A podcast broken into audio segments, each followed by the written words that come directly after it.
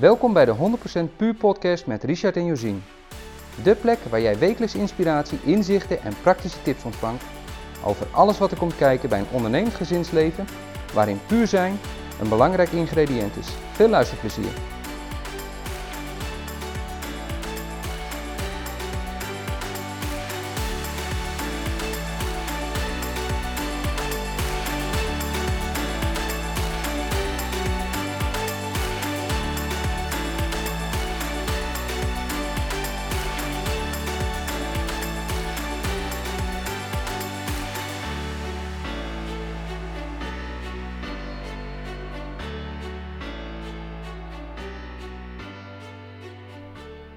Opvoeding, daar gingen we het over hebben. Dat was een verzoeknummer van een luisteraar.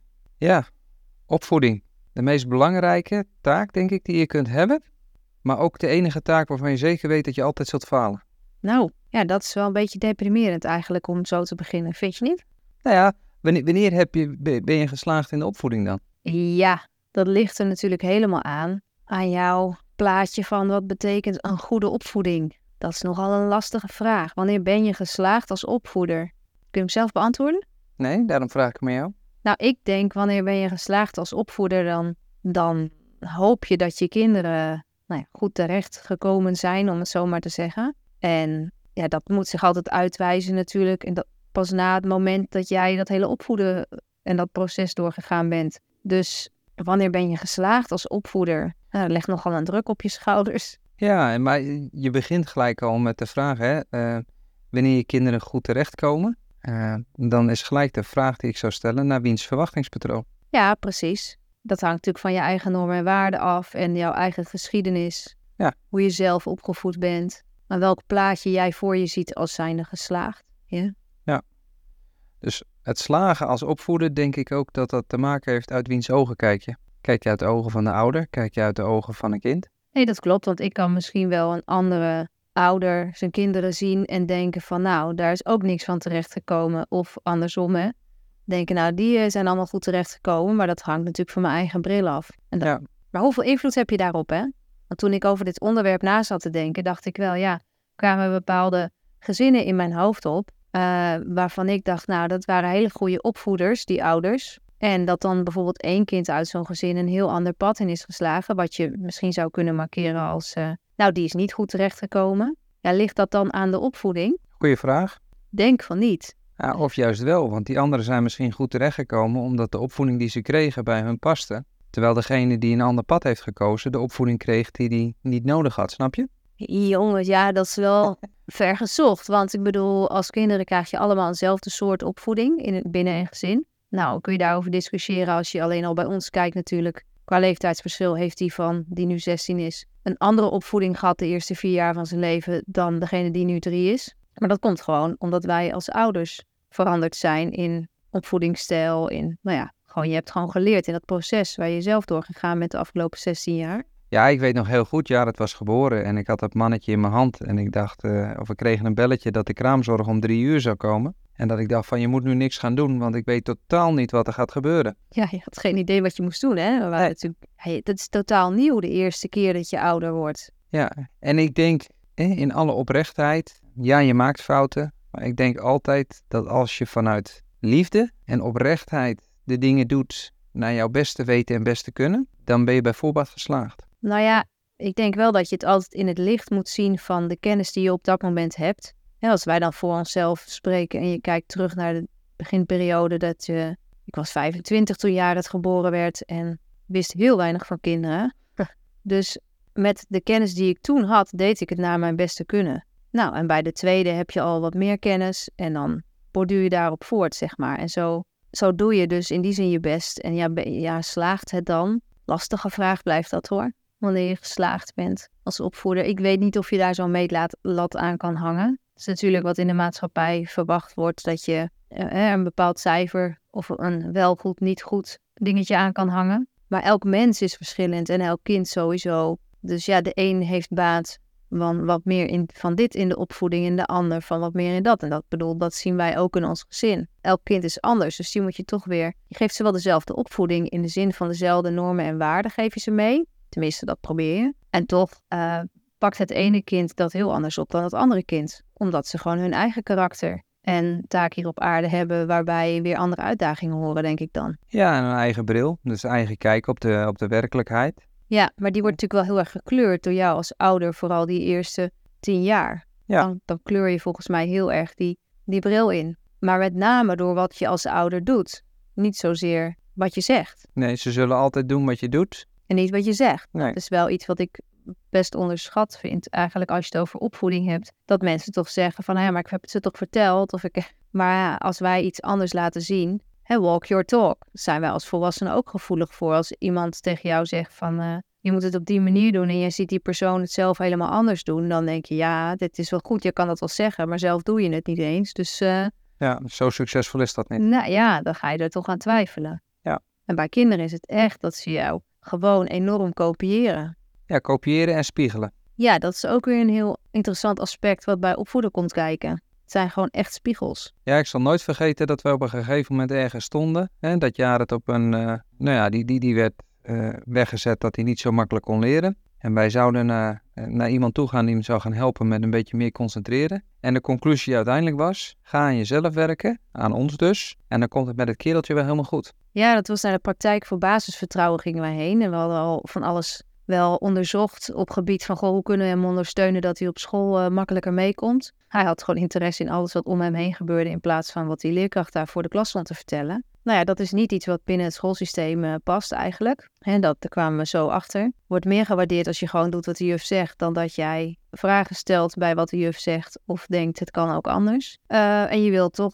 ik denk dat de meeste ouders dat in eerste instantie willen. Je wil graag dat je kind gewoon meekomt in de groep. Nou ja, daar was hij niet zo geschikt voor. Daar was hij wel geschikt voor, maar op een andere manier. En toen zijn wij inderdaad allerlei dingen gaan uitproberen. En uh, nou ja, we waren geen voorstander van Ritalin erin, want dan zou het allemaal wel goed komen. Want toen kwamen we daar terecht en het was inderdaad heel interessant om te horen van eigenlijk, ja, als jullie je eigen stuk gaan oplossen, wij met z'n tweeën, dan komt het met hem wel goed. En, Ja. Maar zo is het wel. En dat heeft met, dat, met die, het zijn van die spiegel te maken. Ja, ja, daarom kwam ik er ook. Ja, kinderen zijn heel, eh, ja, ze dagen jou uit in waar jij nog iets hebt wat je zelf misschien niet helemaal eh, goed verwerkt hebt of op een goede manier bekeken hebt. Hè, dingen uit je eigen verleden. En terecht, anders moeten zij het doen. Nou ja, dat heeft daar heel veel mee te maken, denk ik, ja. Als je kijkt hoeveel kinderen er nu niet meer in een standaard systeem passen, dan heeft dat denk ik heel erg te maken met het oplossen van, nou ja, generationele wonden, zeg maar. Een beetje zwaar gezegd, maar eh, ja, die kinderen hoeven dat eigenlijk niet te dragen. Zouden dat niet moeten hoeven dragen. Nee, Maar dat, dat- ze, dat ze wat meekrijgen is logisch. Tuurlijk. Want je draagt altijd wat over. Hè? Er zijn altijd dingen die je niet goed doet in de, in de opvoeding. Of die je misschien wel heel goed doet op dat moment, maar die anders geïnterpreteerd worden op een, op een latere leeftijd. Ik weet niet meer eh, wie dat gezegd heeft, maar ik weet dat ik wel eens gehoord heb toen van ja, maar iedereen heeft recht op zijn eigen trauma. Oh ja, En weet je, als wij helemaal... klinkt als David. Nou, ik weet het niet zeker. Maar als wij allemaal in een wereld opgroeien waar je eigenlijk behoed wordt voor alles wat niet zo prettig is en geen trauma oploopt, ja, in hoeverre leer je dan ook nog heel erg jezelf kennen of leer je van wat er om je heen gebeurt? Dus om vooruitgang te kunnen maken en om zeg maar meer te leren, is het wel ook nodig dat je vervelende dingen meemaakt. Ja, Natuurlijk heb ik het niet over eh,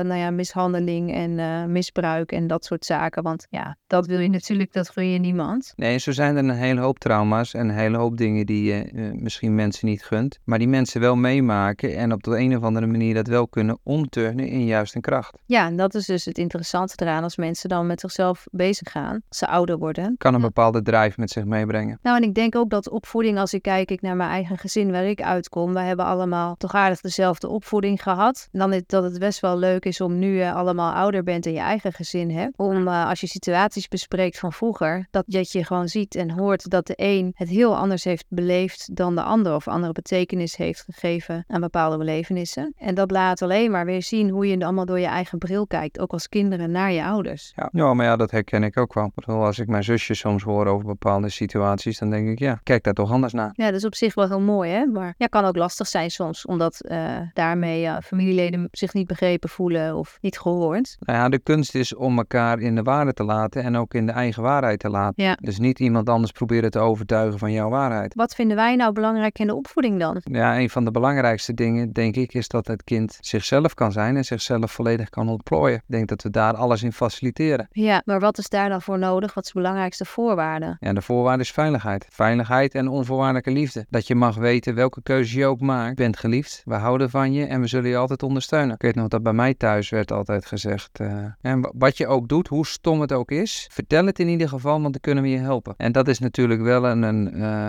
een vorm van vrijheid die je creëert en veiligheid die je creëert, dat alles bespreekbaar is, dat alles mogelijk is en dat er altijd iets is, wat iemand er ook van vindt als ouder zijnde, uh, maar dat, dat, dat ze er altijd voor je klaarstaan om je te helpen. En ik denk dat dat wel een cultuur is, uh, nou ja, die, die, ik wil creëren in ons gezin. Ja, dat ze zich altijd vertrouwd voelen dus om... Uh, no matter what. Je kunt altijd terugkomen, je kunt het altijd vertellen. En als het iets opgelost moet worden, dan weet je, dan helpen we je. Ja. En toch is dat niet zo makkelijk als het klinkt, hè, om die onvoorwaardelijke liefde te hebben. Want als ouders heb je toch ook allerlei verwachtingspatronen die je voordat je het weet gewoon op je kind legt. Hè, ik, ik noem maar even, je verwacht wel dat je kind zijn best doet op school. Ik noem nu wat. We hebben er een die nu een toetsweek heeft. Het eerste wat wij doen als hij uit school komt, is toch meteen vragen van... Uh, en, hoe ging je toets? Ja, nou is dat ook een situatie die hij zelf gecreëerd heeft. Ja, daar hangt nogal wat van af. dus hakken over de sloot of hakken in de sloot? Ja, nee, maar toch. Ja. Je voelt je, toch leg je daarmee een bepaalde druk op het kind van... Ik ben dus pas goed genoeg als ik, dan zeg ik het heel zwart-wit, als ik mijn toetsen goed maak. Ja. En markeert iets aan mij als ik dat niet uh, goed doe. Ja, maar ik denk dat je wel een, een, een sfeer mag creëren waarin je dus wel wat van elkaar mag verwachten. Absoluut. Uh, waarin je elkaar stimuleert wel het beste uit jezelf te halen. Ja. Ook door elkaar soms een schop onder je kont te geven. Maar dat je altijd mag beseffen, wat er ook gebeurt, we houden van je. Je bent geliefd. Je bent hier veilig. Ja, maar toch kan een kind dat dus door al die externe omstandigheden, kunnen we dat wel zeggen dan. En uit je dat misschien wel. Maar als er te veel uitingen zijn van, oké, okay, je moet hier en hier en hier aan voldoen. Dan pas ben jij goed genoeg, hè? zwart-wit gezegd. Dan voelt dat toch anders. Ja. Dus ik vind dat tenminste als ouder is dat best een uitdaging. Omdat je natuurlijk constant met jezelf bent zelf de mens wat je bent, daar word je mee geconfronteerd in het, zeg maar, als jij relatie met je kind bezig bent, met wat het dan ook is. Ja, het kan de relatie met je kind beïnvloeden. Ja, zeker. Positief of negatief. Ja. ja, maar dat kan ook de andere kant op. Op het moment dat je totaal denkt van nou, ik mag het niet vragen of ik mag iemand niet stimuleren, hè, want dan voelt hij zich niet geliefd en het moet allemaal maar vrij en uh, uh, vrolijk en liefdevol zijn. Ja, maar dan is het ook niet eerlijk, hè? Nee, daarom. Dus die kan natuurlijk twee kanten op. Ja, je, dus, je mag best wel iets eisen van iemand, maar dat moet voortkomen vanuit dat je het beste met diegene voor hebt en gewoon graag wilt helpen onze kwaliteiten tot bloei te laten komen. Ja, ik denk dat je gro het gros van je acties moeten erop gericht zijn dat ze mogen weten dat ze veilig en geliefd zijn. Dat zijn de basisacties die je, uh, die je denk ik moet uitdragen. En dan zeg ik niet dat dat bij ons thuis altijd zo uh, goed gaat. Oh nee, zeker niet. Ik heb daar zeker ook nog best wel heel wat in te leren. En misschien hadden we een disclaimer hierbij moeten doen van, uh, oh, ja. over, opvoeding, maar geen garantie. nee. nee, nee. Garantie tot de Nou ja, dat is misschien ook wel waarom je opvoeding, er wordt wel eens gekscherend gezegd. Je krijgt een kind, maar je krijgt er geen handleiding bij. Nee. En dat is ook zo. Het is net die Ikea-kast, je weet nooit wat eruit komt. Ja, en de eerste mislukt altijd, hè? Ja, de eerste is pannenkoeken bakken. Zij collega, net, net als pannenkoeken bakken. Uh, zonder gekheid, dat, dat is natuurlijk zo. Je krijgt er geen handleiding bij. Dus je mag het allemaal zelf opnieuw gaan uitvinden. Ja, nou, dat merkten wij toen de tijd ook wel in ons leven. Ik bedoel, uh, we ja. dachten dat we het redelijk voor elkaar hadden, hè, als uh, 20, 25-jarigen. We hadden allebei een baan, we hadden een huisje, alles liep, uh, liep gesmeerd. En toen kwam er een kind. Ja, fulltime baan, inkomen en in die zin heel relaxed leven. Inderdaad. En dan komt er een kind en dat voelde voor mij inderdaad wel echt alsof je, nou je hebt je leven gewoon helemaal op orde en dat loopt allemaal lekker. En dan mag je een soort van opnieuw beginnen, onderaan de ladder, want, want dat hoofdstuk ken je gewoon nog niet. Dat is allemaal nieuw. Ja. Dan moet je allemaal weer opnieuw keuzes in maken van, oh, hoe ga ik hiermee om?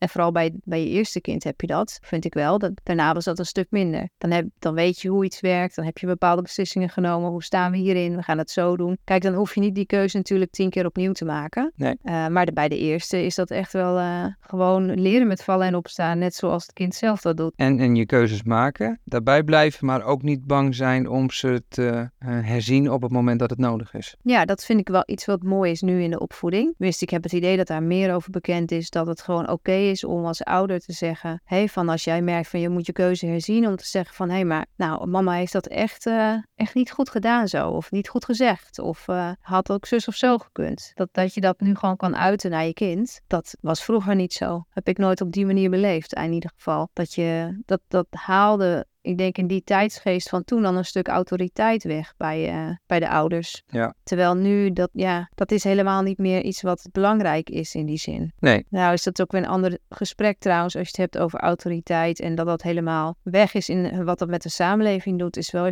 wat anders. Maar als ouder bedoel ik meer van je autoriteit ontlenen aan van, nou ja, maar ik, ik uh, ben... Ik ben de ouder, nou, dus... Ja, ik ben de baas over jou, dat soort dingen, dat is een andere invalshoek. En nog steeds is dat op sommige momenten zo. Hè? Als je kind uh, moet oversteken. Ik liep vanmiddag met Jesse en we moesten een weg oversteken. En hij was heel druk met allerlei blaadjes en dingen. Ja, dan is het wel even dat je als ouder ingrijpt. En, en omdat jij de ouder bent, gewoon uh, zegt van waarom we stil moeten staan. En dan moeten we ook stilstaan, want er komt een auto aan. Dus... Ja, je overziet de hele uh, omgeving en je overziet de consequenties dat als je wel of niet stilstaat. Ja, ik denk dat dat heel erg je verantwoordelijkheid is als ouder. Het stukje van je probeert ze heel veel mee te geven in die eerste jaren. Gewoon levensvaardigheden waarop ze verder kunnen bouwen. Dus een stuk grenzen aangeven van jezelf, zowel als dat je van je kind, dat dat heel erg belangrijk is daarin. Ja, eigenlijk klaarmaken voor het echte leven. En waar ik dan ook aan moet denken, dat is ook een, een uiting van David de Kok, die zei op een gegeven moment als ouders zijnde, kom je op een gegeven moment, als het goed is, dat je je kinderen niet meer begrijpt. Want als dat moment gekomen is, dan weet je dat zij verder gaan dan dat waar jij bent gebleven. Kom mooi gedachtegoed, ja. En ik denk ook wel dat dat een taak is als ouder zijnde, dat je je kind zo ver mogelijk brengt ja. en zo weerbaar mogelijk maakt voor deze samenleving, zodat zij uiteindelijk verder kunnen als zelfstandige wezens die, uh, die hun potentieel groot gaan maken. Ja, want met dat stukje van dat ze verder gaan daar waar jij dan waar jij gebleven bent, bedoel je niet, dat zie je natuurlijk ook heel erg veel, dat ze jouw niet geleefde leven verder uit gaan leven, hè? Nee, nee, nee, nee, nee, nee, helemaal niet. Nee. nee, maar dat zie je natuurlijk wel veel in de, in de sport soms, hè? Dat een, een, een ouder een bepaalde droom had voor zichzelf. Of al dat families uh, zo is, dat kan natuurlijk ook in familiebedrijven zijn, een bepaald iets altijd heeft gedaan. Dat dat een soort van ja, onuitgesproken verwachting is, dat het de volgende generatie dat dan ook doet. Ja, zo ging het altijd, dus zo doen we het ook. Ja, ja nee, dat bedoelde hij daar niet. Hij bedoelde inderdaad echt ja, verder gaan. Je brengt eigenlijk al jouw levenslessen breng je bij het kind en probeer je mee te geven, zodat zij zich verder kunnen ontwikkelen met die levenslessen en door kunnen gaan. En als het goed is, ontstaat er dan een punt dat jij niet meer begrijpt wat je kinderen doen. Omdat de wereld veranderd is, omdat zij verder gaan, omdat zij misschien midden in die veranderde wereld staan. En ik denk dat je als ouder op een gegeven moment toch op een punt komt dat je niet meer in de wereld staat zoals zij erin staan. Ja, ja heeft te maken met ook je, denk in je leven op op welke levensfase je zit. Hè? Ja. Maar ja, wij zitten nu nog midden in de fase dat we dus... Uh... Oh, ja. Wij hebben de fase even gerekt. Ja, we hebben hem, uh, ik geloof, 15 jaar opgerekt. Nou, ik weet wel dat heel wat uh, mensen tegen ons of achter onze rug om zeiden van... nou, dat je daar nog aan begint. Hè? Toen we nog de jongste twee kregen. Maar dat wij daar zelf wisten we eigenlijk, hadden we niet echt een idee van, goh, hoe zou dat uitpakken? Maar hebben we vanaf het eerste moment dat Jesse er was wel gezegd van, goh, wat ontzettend uh, mooi is het eigenlijk dat er zoveel leeftijdsverschil tussen zit. Ja, ja als je het zelf mocht uitdenken, dan, dan had je dat nooit gedaan. Nee, had je het nooit zo bedacht, plant. Nee. Dan waren we misschien met drie gebleven. Ook dat, maar... Maar ja, we zeiden, we, vandaag, gisteren zijn we, eigenlijk zijn we heel gezegend dat we, dat we dit nog een keer mee mogen maken. Ja, zo voelt dat. Als je nu aan tafel zit te eten met z'n zessen en, nou, er zit er een in de kinderstoel, echt eentje op zijn knietjes op de bank en die twee grote bij, dat je dat dan nog een keer meemaakt, dat, dat hele proces, zeg maar. Ja. En vooral ook omdat je zelf nu zo anders in een stukje opvoeding wel staat dan 16 jaar geleden. Dat je daar zoveel in hebt mogen ervaren en beleven. Wat is er voor jou dan wezenlijk anders? Nou, vergeleken met de eerste toch echt een groot stuk rust, een stuk vertrouwen. Ik weet nog heel erg dat ik bij de oudste uh, me gemakkelijk het gevoel bekroop van als hem maar niks gebeurt, toch een soort angst. Een soort, soort angst van je hebt ineens zo'n verantwoordelijkheid, namelijk dat, dat leven van dat uh, kleine mannetje, dat rust op jouw schouders. Als je daar maar niks in verkeerd doet, dat. Nou, nu weet ik gewoon, ja, ik ga sowieso fouten maken. En dat, dus, dus die druk is er helemaal van af. En de angst is ook gewoon daarin. Natuurlijk wil je absoluut niet dat je kind iets ernstigs overkomt. Uh, maar dat vertrouwen dat dat niet hoeft, zeg maar. En dat stel je voor dat dat toch zou gebeuren, dat er dan ook weer een weg is. Dat is gewoon zoveel groter dan toen je net voor de eerste keer ouder werd. Um, en wat ook echt wel anders is, is een enorm stuk kennis wat ik niet had toen ik 25 was en nu wel. Dus kennis over, um, nou ja, pedagogische kennis, maar ook gewoon over gezondheid. En ik bedoel, kinderen heb, met kinderen heb je altijd te maken met kinderziektes en, nou ja, verzin het maar wat er niet op je pad komt. Wat gewoon in die eerste tien jaar over het algemeen voorbij komt. Ik maak me nu absoluut geen zorgen meer als er ergens een spikkeltje uh, zit of als een kind koorts heeft. Omdat ik gewoon weet, dat is oké. Okay. Dat, dat is niet iets ernstigs, weet je wel. En dat had ik bij die eerste wel. Ja. Dan denk je,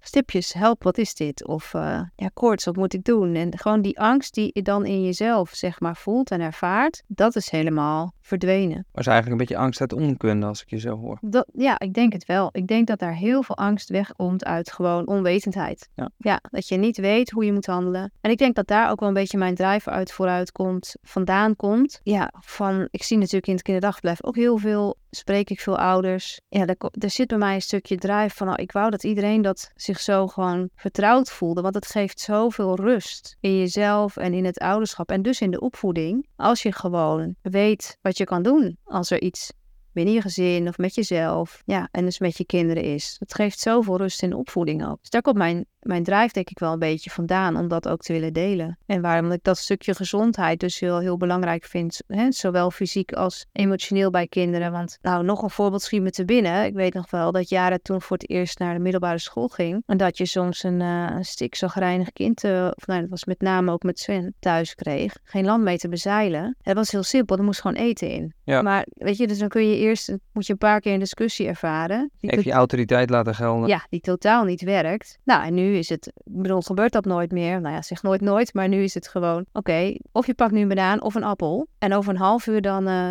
Praten gaan... verder. Ja, precies. nou, dan, dan kun je over een kwartier al een heel ander gesprek hebben. En met die, die 16-jarigen ook hoor. Hangry zijn ze dan. Andere kant, ik bedoel, met die driejarige Jesse is het ook zo dat je gewoon zo anders erin staat als hij een driftbuik krijgt nu. Of alles bij elkaar schreeuwt. Waarbij je een ander kind nog, uh, die oudste nog probeert te gaan sussen. Of nou ja, je heel erg druk maakt om wat omstanders daarvan vinden als dat in de supermarkt gebeurt. Ja, uh, vraag je nu gewoon rustig van nou, wil jij graag even gillen? Kom, dan gaan we daar naartoe en dan kan je daar even gillen. Dus het is gewoon, dat is zo'n wereld van verschil met hoe we daar vroeger in staken, denk ik. Ja, ik denk dat dat met name we onszelf meer gevonden hebben. Ja. Dan laat ik het, laat ik het dan op mezelf betrekken. Ik heb mezelf veel meer gevonden, dan, waardoor ik veel meer rust heb om uiteindelijk ook in de opvoeding te staan en ook met kinderen om te gaan. Ja. En niet die druk van buitenaf van nou zo hoort het en... Uh, ja. En ben je wel voldoende bij het consultatiebureau geweest? Heb je, hè, zit je wel in de goede curves?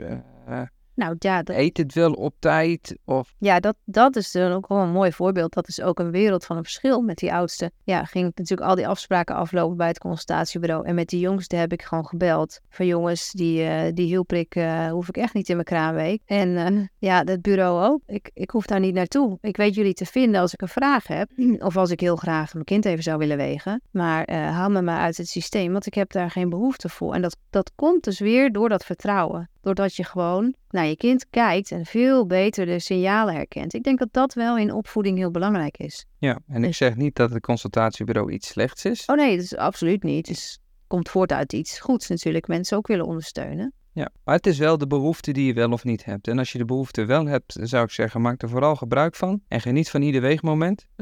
en op het moment dat je er geen behoefte aan hebt, is, is ook goed. Nou ja, inderdaad. En dat was de reden dat ik nu bij de jongste dus zei. Ik zit er helemaal niet op te wachten om uh, je maakt een afspraak ver vooruit en op dat moment heeft zij een ander ritme. Dus moet je je baby gaan wakker maken en helemaal uitkleden om in die koude weegschaal daar te liggen. Nou, dan deed ik het kind geen plezier mee en dus mezelf niet. En dus wat was de meerwaarde? Hè? Dat. Ja, en wij keken ook naar die lijntjes zo van ja, weet je, eh, zit het eronder, zit het erboven, is hartstikke leuk. Het maakt het niets anders. Nee, nee, maar toch wordt dat wel gezegd. Het maakt niet zoveel uit, maar je ziet vooral zo'n eerste jaar dat ouders heel erg op zoek zijn over het algemeen van nou ja, gaat het wel goed. Ja, als dat vertrouwen er niet is, dan, dan zoek je natuurlijk bevestiging buiten jezelf. Ja, klopt. En die curves zijn natuurlijk een vorm van bevestiging. Hè? Want als je binnen de curves zit, dan zit je binnen de, het gemiddelde wat de rest van de wereld ook doet. Of van Nederland. Ja, ja, dus nou ja. En dan doe je het dus goed. Heb je dat stukje bevestiging gekregen? Op het moment dat je die bevestiging niet gaat zoeken, dan zul je die bevestiging volledig uit jezelf en uit je relatie met je kindje moeten halen. Ja,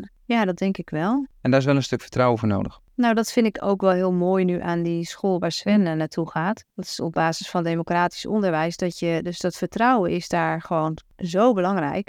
Ik was toevallig een, uh, gisteravond een ouderavond en dat kwam zo enorm naar voren dat het vertrouwen aan je kinderen geven en dus de verantwoordelijkheid ook bij hen laten die ze kunnen dragen, dat dat heel cruciaal is in de hele, het hele opvoeden. Ja, ja dat principe gaat er in, in eerste instantie vanuit dat ieder kind intrinsiek gemotiveerd is om te leren. Ja, maar... Op het moment dat het kind daaraan toe is. Nou ja, dat, maar ook op het moment dat, het, dat de voorwaarden daar wel voor geschapen worden. Als jij natuurlijk in een kelder uh, van 10 bij 10 zit de hele dag met geen groen om je heen en noem maar op, dan wordt het een beetje lastig. Ja, dan zul je niet leren wat voetbal is en ook niet de mogelijkheden van voetbal nee. leren. Dus die vrijheid moet er zijn, die vrijheid en die veiligheid. Om dat te kunnen uitoefenen. Kom je dan niet gelijk bij de kern van, van opvoeden? Een omgeving scheppen waar die, die veiligheid en vertrouwen is, mhm. maar ook een omgeving scheppen waarin dermate genoeg uitdaging is, waardoor zij de wereld kunnen gaan ontdekken en zichzelf kunnen gaan ontdekken. Ja, en dat is als ouders ook nog wel eens lastig. Ik toevallig um, gisteren ook het voorbeeld bij de hand dat Sven had ontdekt, hij is nu nog 12, hij wordt deze week uh, eh, 13. Hij had ontdekt dat hij een pinlimiet had. Dus hij had geld gepind.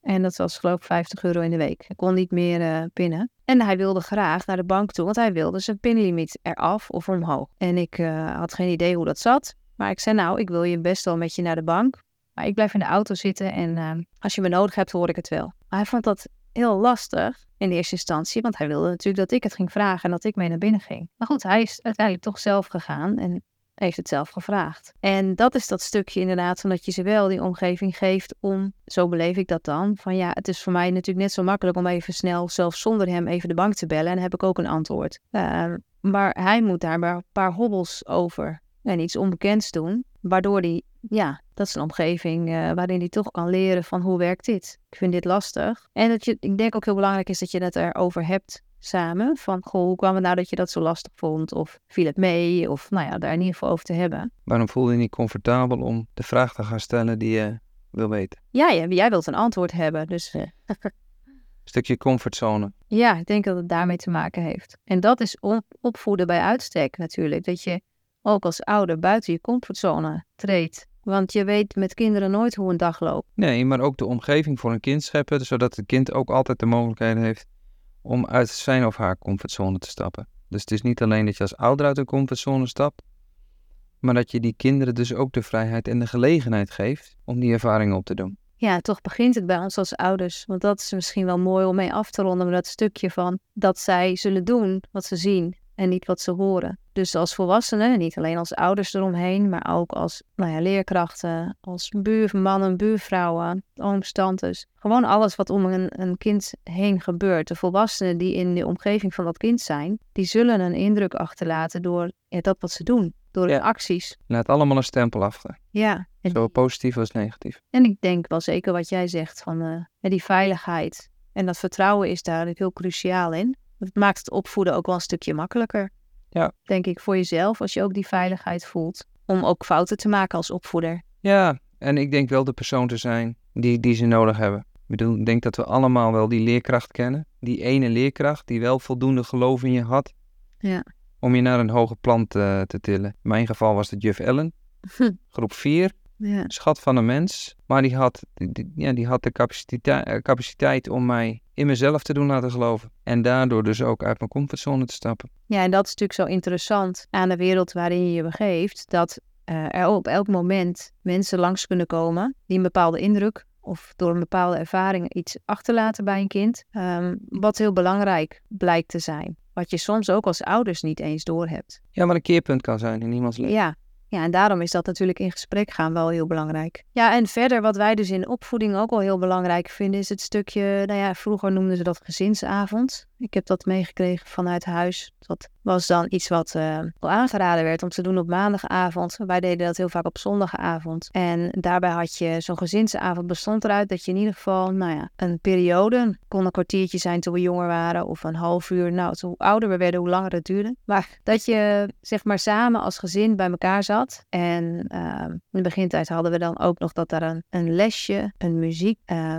een activiteit en een versnapering, zo heette dat, bij was. Dus dan kreeg je taakjes van, goh, um, jij regelt deze week uh, wat lekkers. Dat moet ik zeggen was altijd het meest interessant. Als kind vond ik dat het meest interessant. Wat was het lekkers? Uh, nou ja, de activiteit is een spelletje met elkaar doen. Uh, een lesje, nou dat ging dan vaak ook over iets wat, nou als je het over normen en waarden overbrengen hebt, dan had dat daar raakvlakken mee. En hoe ouder wij werden, werd ook het stukje, oh ja, en muziek, dat was, nou de ene keer ging dat goed. Ik weet nog wel dat mijn moeder soms probeerde liedjes op de blokfluit mee te fluiten een stukje dus met elkaar iets zingen of een muziekstukje spelen of iets luisteren. En dan, naarmate we ouder werden, werd het ook belangrijk van om even de week door te nemen. Van, goh, wat staat er allemaal op stapel de komende week? Dus dat vind ik nog steeds ook wel een belangrijk deel in de opvoeding. Dat je, nou ja, in ons geval is het daar ook bij van, goh, wat gaan we eten deze week? Dat je met elkaar bepaalt eigenlijk hoe je jouw kleine samenleving als gezin, uh, ja, wat, wat je gaat doen ja. en belangrijk vindt. Ja, en even die oprechte tijd samen. Gewoon een momentje, dan zitten we samen. En dat kan dan uh, zijn, nou ja, bij jou thuis was dat dan in de vorm van een les. Zo hebben we dat hier niet in, bij ons thuis. Maar wel gewoon dat momentje samen, even aandacht voor elkaar. Het stukje van, nou ja, les zeg je. Maar ja, het kan ook gewoon situaties zijn die je met elkaar bespreekt. Ik denk dat wij het meer zo beleven nu. Ja. En dat hoeft ook niet per se uh, op een bepaald vast moment. Maar het is wel heel prettig als je dat eens in de week op vast moment hebt. Want dan kun je natuurlijk altijd van afwijken. Of als er iets gebeurt waardoor je denkt, daar moet ik nu uh, het over hebben. En kan ook één op één met een kind. Want dat is ook wel iets wat we heel uh, belangrijk vinden in de opvoeding. Dat je tijd één op één met kinderen creëert. Maar dat is wel, en natuurlijk met elkaar. Uh, ja, het, het, mooiste is als je elke avond met elkaar aan tafel zit. Dat is toch ook wel een moment wat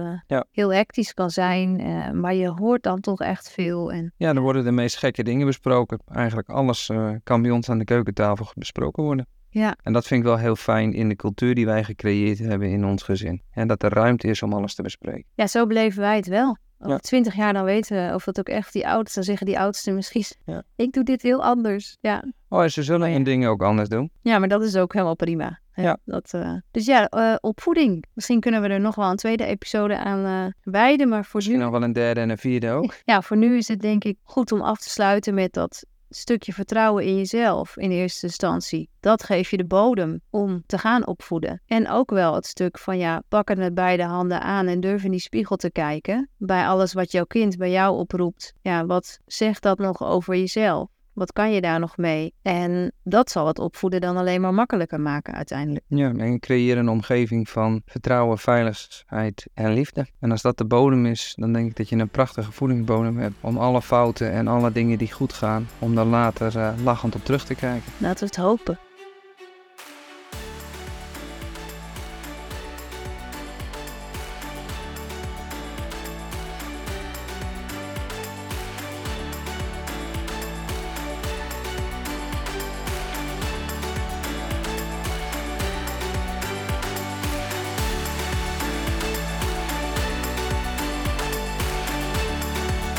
Ontzettend bedankt dat je luisterde naar deze aflevering. Ben je enthousiast geworden over deze podcast? Dan zouden we het heel erg waarderen als je een review achterlaat via de podcast-app waarmee jij luistert. Ook kan je je abonneren op onze podcast, zodat je telkens wanneer er een nieuwe aflevering online staat direct op de hoogte bent. Heb je tijdens het luisteren naar de podcast gedacht aan iemand die ook wel een portie puur kan gebruiken? Je kunt de podcast dan delen via social media of gewoon de link kopiëren en doorsturen naar diegene. Misschien ben je zover dat je zelf graag actie wilt ondernemen voor een 100% puur leven.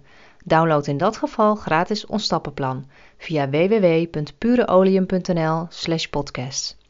Dat is www.pureolien.nl schuine streep naar voren P O D C A S T.